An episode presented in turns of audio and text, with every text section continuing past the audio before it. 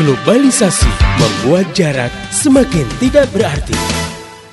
Jadi hukum memainkan alat musik ya dari sisi aktivitas memainkan alat musik itu saja ya atau Iya. mengenai alat musiknya sendiri Mhm. ya maka boleh-boleh saja atau mubah gitu. Nah, kalau kemudian ada dalil syar'i tertentu yang mengharamkan ya, maka alat musik tersebut haram dimainkan gitu. Nah, kalau kita lihat tentang permainan musik ini, biasanya dalil ini terkait dengan aktivitas lain ya yang menyertai penggunaan alat musik tersebut. Tapi misalkan disertai dengan aktivitas-aktivitas maksiat, maka memainkan alat musik tersebut menjadi haram. Lintas budaya semakin mudah diakses tanpa bisa dibendung lagi dan berakibat norma-norma dan moralitas semakin terkontaminasi. Iya emang kalau di anak-anak ada fase ya di mana anak kecil itu dulu waktu kita kecil kan begitu ya. Nggak mau misalkan eh, robotan kita dimainin sama teman kita. Ada yang megang kita pukul. Gitu Nah. kita rebut kita pukul. Kalau anak-anak sih wajar kayak begitu. Tapi kalau udah remaja sebetulnya udah nggak boleh terjadi ya Ya, kalau kamu-kamu nih sobat muda itu udah nggak pantas tuh main sikat dan hantem gitu kan. Lihat ada orang duduk di bangku kamu langsung kamu sikat gitu ya. Ya karena udah makin lama kan harusnya makin dewasa. Jadi kalau dikatakan ah, itu kan biasa. Namanya juga remaja ada kenakalan remaja. Ah ini nggak tepat loh ya kamu sobat muda itu nggak pantas nakal kamu. Kalau salah sih wajar lah tapi kalau sengaja berbuat salah itu yang nggak pantas ya. Dan hanya iman yang sanggup membentengi diri. Pendengar yang budiman, angin sejuk kembali berhembus dengan hadirnya Voice of Islam. Nah, ada di situ yang eh, komunitas dari perkantoran suka datang itu di YIS misalnya, Youth Islamic Center itu memang pulang kerja orang sekalipun udah maghrib gitu ya, mereka ngaji ke sana gitu. Nah, demikian juga dengan misalnya remaja Sunda Kelapa di Masjid Sunda Kelapa itu juga memberikan fasilitas. Nah, di perkantoran sendiri juga sudah mulai ada itu sehingga ketika me- mereka merasakan butuh nuansa apa siraman rohani mereka mencoba mencari-cari kan gitu nah ini motivasinya sudah lebih kuat Media Islamnet dan radio kesayangan Anda menghadirkan Voice of Islam. Voice of Islam. Voice of Islam.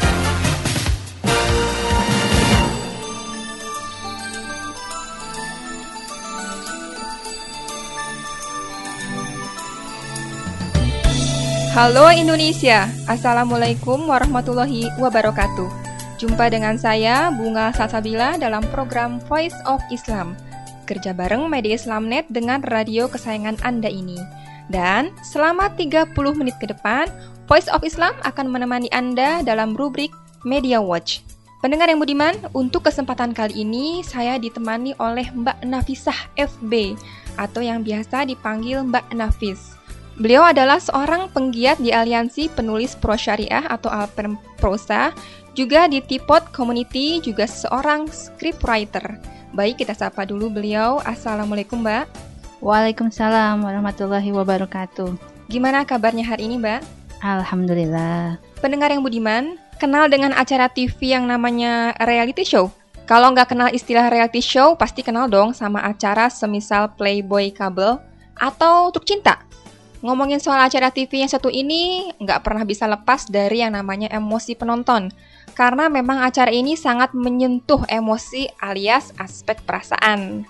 Kita bisa ikutan sedih, nangis, terharu, atau bahagia karena suatu peristiwa di sebuah reality show. Padahal kita nggak ada hubungannya sama sekali dengan si bintang reality show.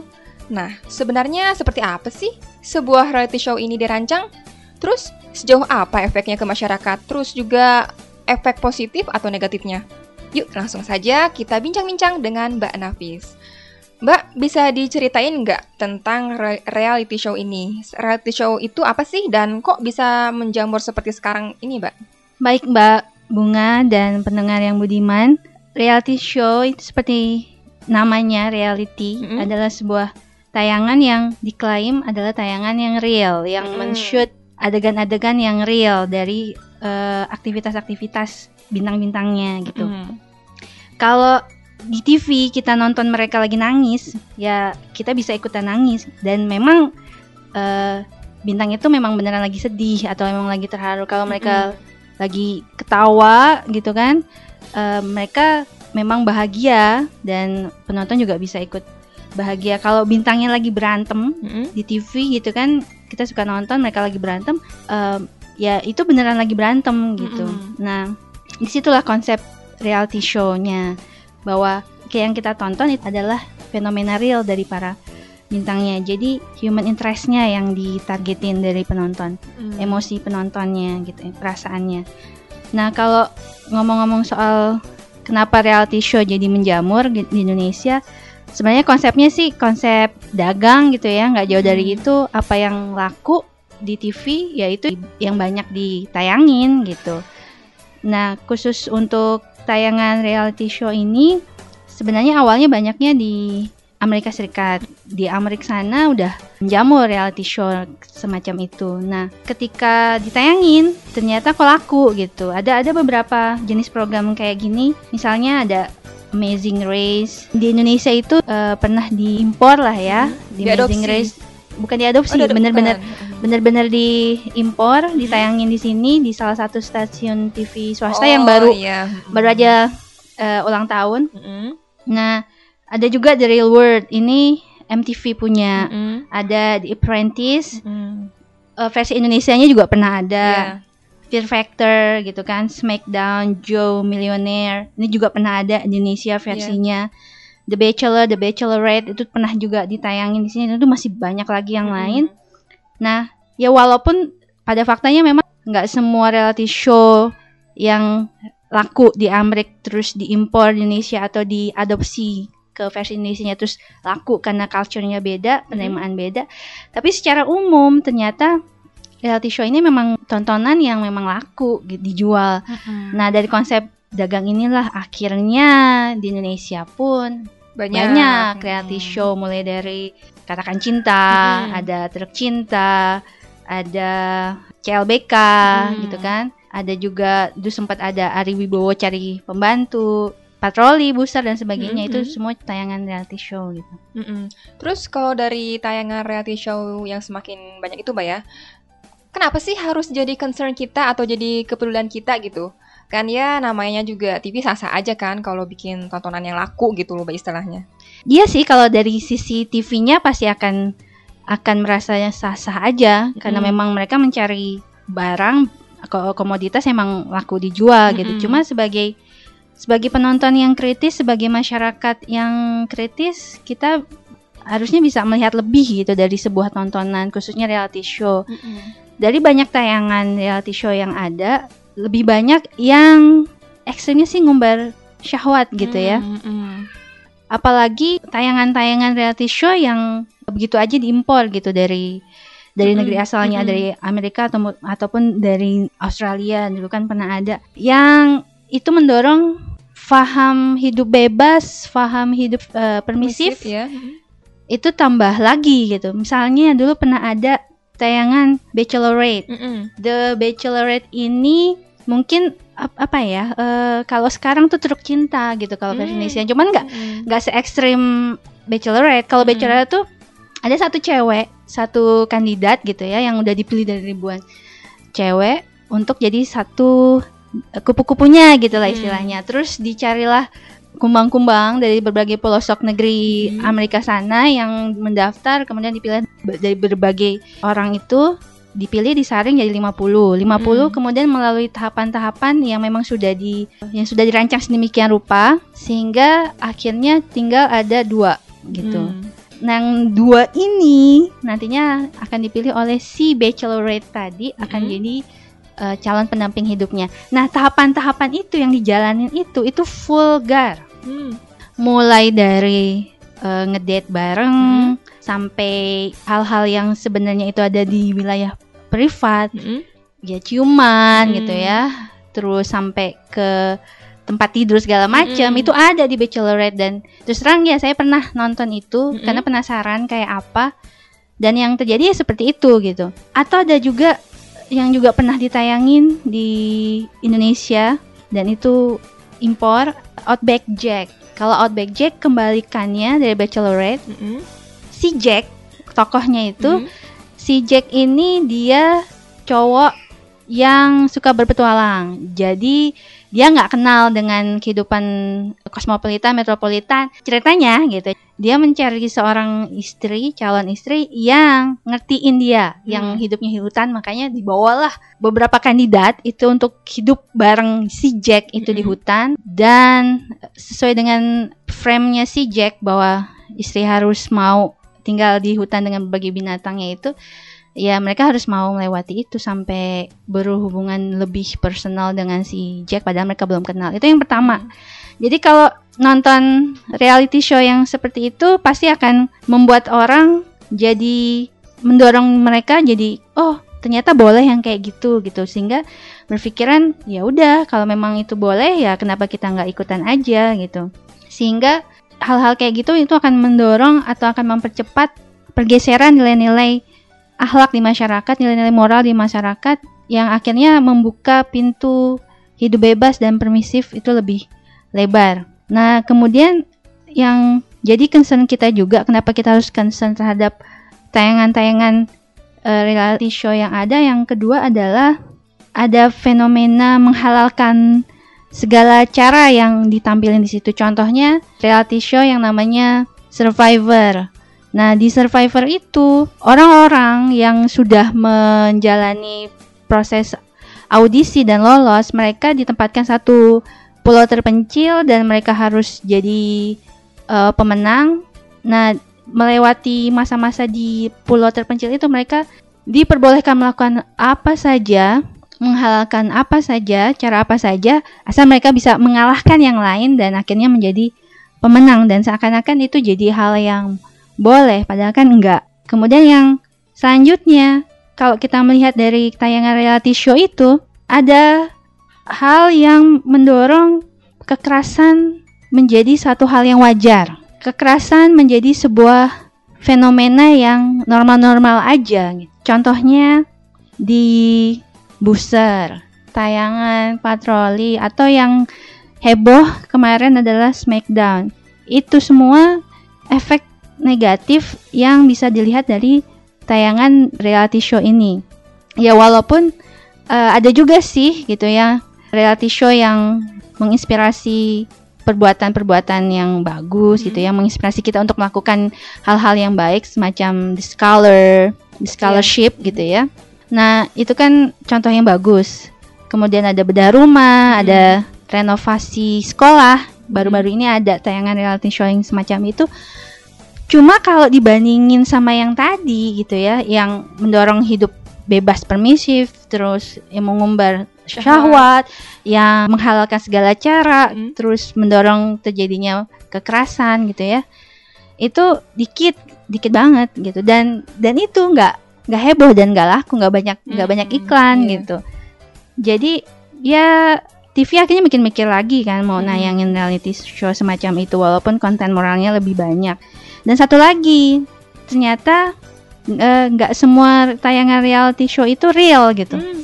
Jadi mereka tetap ada skripnya, tetap aja senario nya, mereka Hmm. harus nangis di mana posisinya gitu kan? Mirip sinetron juga Wah, gitu. Iya, kalau sinetron kan udah jelas kita ngeliat acting gitu kan. Mm-mm. Touching ke human interestnya tadi itu nggak serta-merta bisa dapet. Maksudnya supaya langsung melibatkan emosi penonton itu nggak bisa dapet kan gitu. Kalau dibuat dengan judul dengan klaim reality show pasti orang akan melihat bahwa dia benar-benar di posisi si bintang gitu kan. Mm-mm.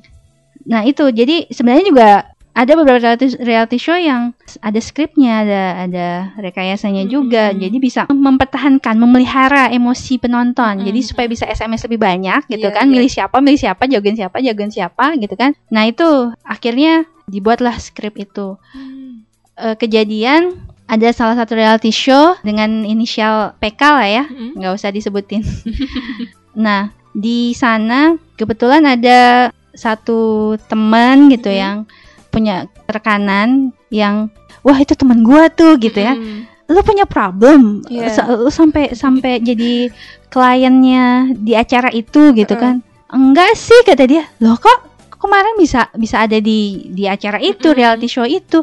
Ya gua kan dikasih dikasih skrip gitu. Gue dikasih skrip, gua mainin itu. Lo kenal nggak sama cowoknya? Mm-mm. si playboy itu gitu Iya. yang jadi enggak gue nggak kenal sama cowoknya gue baru ketemu hari itu gitu ya eh terus ya kita diarahin sama sutradara harus gimana gimana ya kita ikutin gitu yang Oh. jadi penggodanya siapa yang jadi playboynya siapa gitu kan.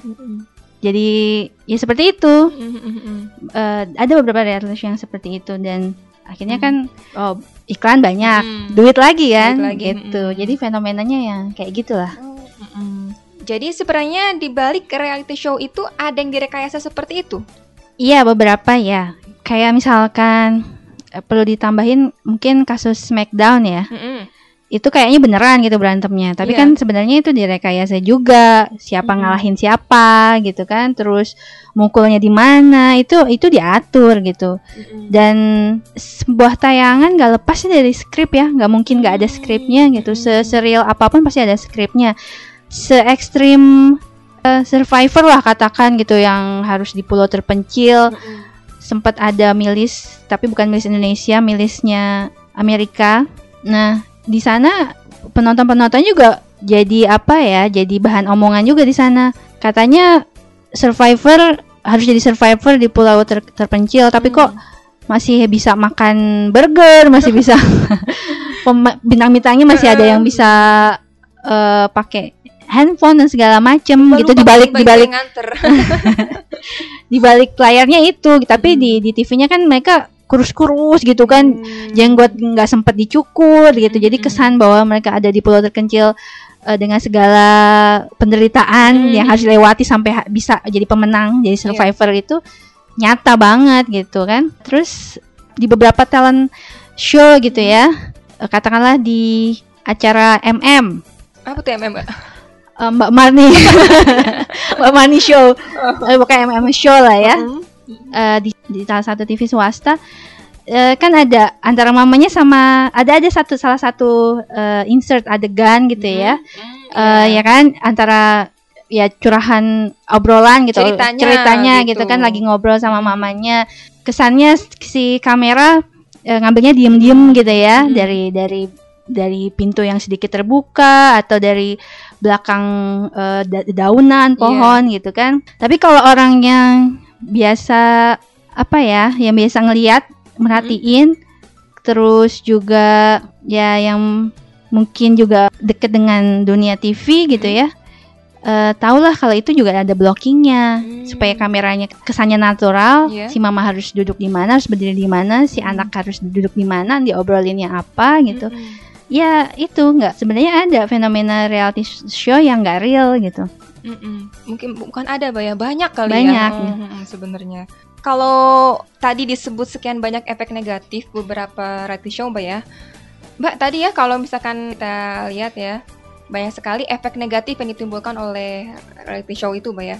Terus menurut Mbak, siapa sih yang mesti bertanggung jawab dalam dalam hal ini? Ya kalau bicara tayangan TV secara umum khususnya reality show dengan berbagai efeknya, berbagai efek negatifnya tadi, yang jelas harus ada regulasi sebenarnya. Mm-mm. Dan yang membuat regulasi kan pemerintah yang berwenang gitu. Sebenarnya ada sih undang-undang penyiaran tapi kayaknya nggak nggak banyak menyentuh hal ini. Mm-mm. Terus juga nggak ngaruh gitu. Karena persoalannya adalah ini soal dagangannya, soal dagangannya Hmm. TV gitu. Dan hidup hari gini gitu ya. Yang megang kuasa sebenarnya bukan yang duduk di pemerintahan pada real. Ini reality show-nya ya. Ini yang reality show-nya. Yang yang megang kekuasaan sebenarnya yang yang megang regulasi berjalan atau enggak, regulasi mau diapain, mau dijadiin warna merah atau putih atau abu-abu ya yang punya uang lah yang punya uang ya yang yang bisa ngendalin regulasi itu gitu dan pemilik uang adalah yang punya stasiun TV Iya. PH sendiri yang yang menghasilkan apa yang menghasilkan sebuah tayangan reality show Mm. ini juga nggak bisa berbuat banyak kalau stasiun TV nggak melihat itu sebagai peluang bisnis gitu kan Iya. jadi eh, yang bertanggung jawab siapa ya pemerintah, terlebih juga stasiun TV Mhm. gitu, juga penonton sih gitu ya. Mm-mm. Tapi kayaknya Mbak, kalau dalam eh, kondisi saat ini ya, kalau kita lihat ya, kayaknya itu nggak bisa atau atau mungkin nggak terrealisasi hal semacam itu tadi. Iya gitu karena Hmm. gini deh gambarannya nih karena terlebih yang tadi itu nih ini bicara dagangannya stasiun TV gitu ya Mm-mm. dan eh, pertama mereka bisa bilang kalau kita nggak laku kita ada tayangan yang nggak laku gitu ya yang kan nggak bisa datengin duit gitu Mm-mm. nggak bisa datengin duit stasiun TV bangkrut terus siapa yang mau menanggung nasib ribuan pekerja Oh. TV gitu kan terus juga kalau nggak laku juga nanti PH gitu Mm-mm. kan. Banyak-banyak PH yang berguguran juga gitu kan. Nah jadi gambarannya kalau di di industri gitu ya ada pemilik stasiun TV kemudian ada PH production house ada pengiklan perusahaan-perusahaan yang ngasih iklan.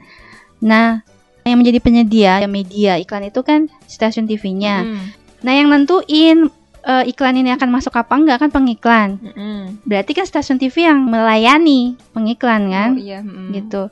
Kalau sesuai dengan ternyata tayangannya laku, ya pengiklan akan serta merta gitu. Gambarannya jumlah uang yang dihabiskan pengiklan di TV, ya secara langsung atau enggak, ini Hmm. bisa membentuk selera pasar, membentuk selera penonton gitu ya. Itu rata-rata di atas 60% dari belanja iklan tahunan Indonesia. Hmm. 60% itu untuk TV. Bayangin tuh berapa triliun gitu Mm-mm. masuk ke stasiun TV. 40-nya 40 persennya baru dibagi-bagi ke media lainnya, ke radio lah, ke Hmm. surat kabar lah, Mm-mm. tabloid gitu kan. Nah, kalau ada satu stasiun TV yang dengan segala kesadaran moral, tanggung jawab terhadap eh, keberadaban bangsa ini Mm-mm, gitu ya. Terus oke lah, aku nggak mau bikin tayangan-tayangan kayak gitu gitu. Keluar dari pakem, Mm-mm. rating turun, nggak ada iklan, mati konyol gitu kan. Eh, realnya kayak gitu gitu. Mm-mm. Eh, akhirnya ya kenapa sering ada gerakan apa latah gitu di stasiun TV Iya. Indonesia kan melihat melihat itu gitu. Mm-mm. Eh, ada reality show katakan cinta terus ya- terus kemudian laku ternyata terus adalah apa cinta belakang eh, belakangnya gitu kan eh depannya ya. Eh, terus ya cita-cita yang lain lah. Sama kayak sinetron zaman Hmm. sekarang kan. Nah sebenarnya ini yang kalau bisa dibilang the real reality show yang sedang terjadi di bangsa Oh, iya, ini betul, gitu betul, kan. Iya. reality show terbesar saat ini yang terjadi di Indonesia. Mm-mm. bahkan kita sendiri ada di dalamnya sebagai bintang-bintangnya Iya, gitu ya mm-mm. Eh, bagaimana kehidupan yang bebas nilai itu bertebaran dan makin marak gitu Hmm. kan syahwat jadi Tuhan gitu kan terus juga SMS berhadiah terus jadi legal Iya. yang yang itu sebenarnya judi juga Iya, iya. ke- terus kejahatan jadi komoditas lewat patroli lah, lewat Hmm. booster atau yang lain. Ya kita memang harus melakukan sesuatu terhadap reality show yang terbesar ini gitu. Mm-mm. Eh, sebagai masyarakat kita harus punya inisiatif untuk ikut bikin tayangan TV jadi berkualitas gitu. Nah kalau bikin nih Mbak, bikin gerakan matikan TV, nah itu gimana Mbak menurut Mbak? Bikin gerakan matikan TV ada tuh ya, ba- banyak-banyak yang yang eh, mengeluarkan opini kayak Mm-mm. gitu gitu ya. Udah matiin matiin TV aja. Kemudian juga kan ada satu satu hari akhirnya yang diperuntukkan untuk gerakan ini, gerakan matikan TV gitu. Sehari doang. Sehari. Ajakannya sehari matikan TV. Hmm. Bisa sih sebenarnya, tapi persoalannya gini, efektif nggak gitu. Ketika kita matikan TV, Iya. katakanlah gini, katakanlah ya, semua orang yang punya TV mendengarkan ajakan ini dan mematikan TV-nya mereka, Mm-mm. yang berapa ratus juta penduduk Indonesia mematikan TV-nya gitu ya. Kemudian apa emang bisa langsung gitu untuk bisa membuat program TV akhirnya berubah. Pas kita matiin TV, program-program yang itu kan juga pasti tetap berlangsung kan, Mm-mm. tetap tetap ada Iya, gitu. betul. Terus pertanyaannya mungkin ada juga yang nanggepin ya kalau kita matiin TV gitu kan seluruh Indonesia pasti nggak ada yang nonton. Kalau nggak ada yang nonton rating turun. Mm-mm. Kalau rating turun berarti kan iklan nggak masuk. Stasiun TV mikir-mikir lagi ini sebenarnya selera penonton kayak selera penonton tuh kayak apa sih? Mm-mm. Akhirnya mereka lebih peduli. Maunya kan gitu dengan gerakan mematikan TV. Iya. Tapi persoalannya secara real pertama nggak mungkin Gak mungkin. Mungkin aja Nggak- TV aja gitu. pada kondisi realnya nggak semua orang itu Punya TV jadi punya nggak TV. yang kedua, yang kedua adalah eh gak mungkin 100% mematiin TV. Mm-mm. Kenapa? Mereka punya pandangan yang beda-beda terhadap tayangan ini. Iya iya iya. iya. Sebagian besar orang mungkin menghujat reality show, menghujat sinetron gitu kan.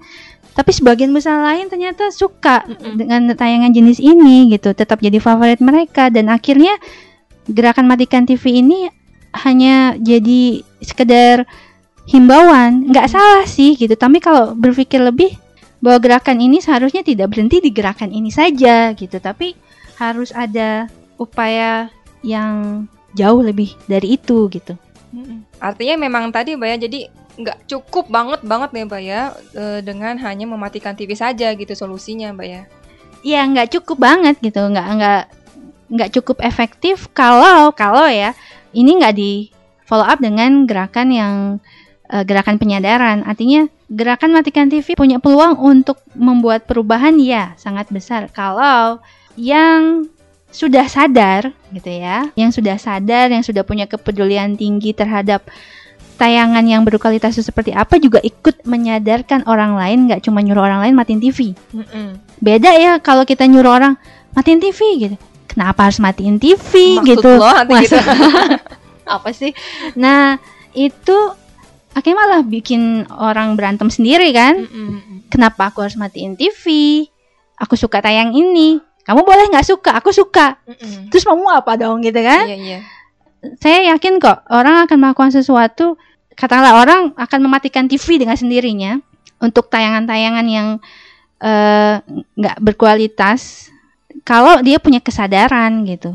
Sudah punya perubahan paradigma gitu terhadap tayangan itu. Oh ini jelek gitu. Aku matiin TV nah perubahan paradigma secara secara major ini secara secara mayoritas Mm-mm. ini yang yang perlu dilakukan jadi wahai orang-orang yang sudah sadar gitu yang sudah tahu kualitas TV seperti apa baiknya eh, ya ikut menyadarkan yang lain gitu nggak nggak cuma buat dirinya sendiri ya udah Iya. aku matiin TV sendiri yang lain terserah atau cuma sekedar tolong matiin TV ya cukup sampai di situ ya enggak gitu nah jadi intinya harus ada gerakan penyadaran menuju terciptanya penonton yang cerdas gitu Mm-mm. penonton yang cerdas itu penonton yang beriman Mm-mm. dan juga berilmu.